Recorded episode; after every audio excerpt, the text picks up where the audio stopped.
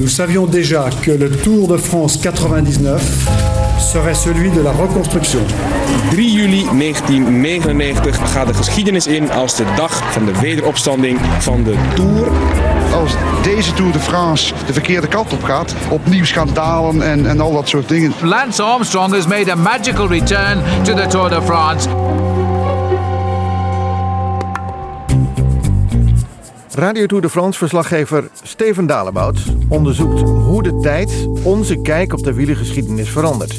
In een nieuwe aflevering van Toch nog een Tour. Ik ben op bezoek bij Michael Bogert. Hij heeft me zojuist verteld wat een Tour de France met een mens kan doen. In 1999 kwam Bogert totaal over de rooien in Parijs aan.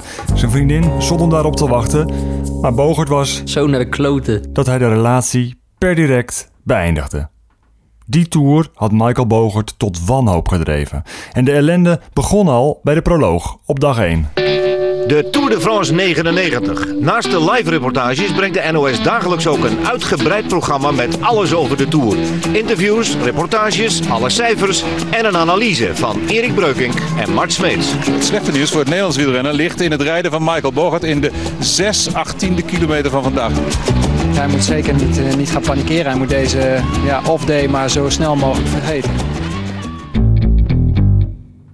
De proloog was op die 3 juli nog geen 7 kilometer lang. Maar Bogert werd zoek gereden. Nee, Dat gaat niet goed hoor. Dat gaat niet goed, want dat gaat richting 9 minuten. Het is al 8 minuten en 57 seconden. En dat is moeilijk voor Michael Bogert.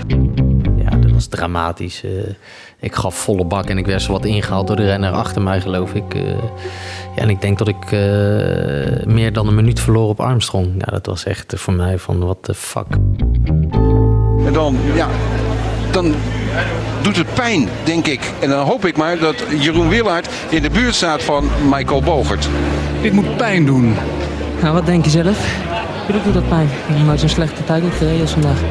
Dus ik voel me gewoon absoluut niet goed. En eh, ik kan er zelf ook niets aan doen. Het is een hele slechte tijdrit. Wie doet er zo? Alsjeblieft. Nou, geïrriteerd dus ook, duidelijk.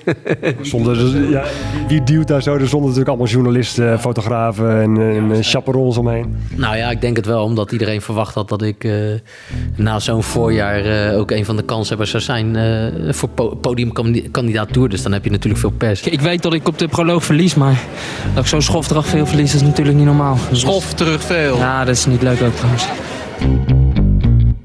Die eerste kilometers bleken een treurige graadmeter voor wat Bogert later die tour nog te wachten stond. Bogert eindigde in de dopingtour van 1998 op plek 5 in het klassement.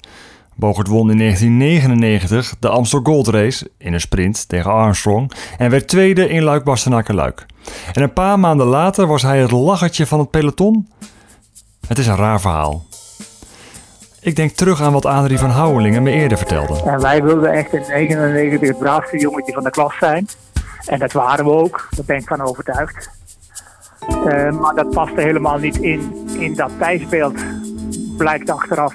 Zou het kunnen dat Rabobank in 1999 schoonreed? En dat dat verhaal over de Tour op twee snelheden dus echt waar is? Ik, ik wist dat anderen het wel deden, dat kon je ook zien. En eh, ja, ik deed het niet.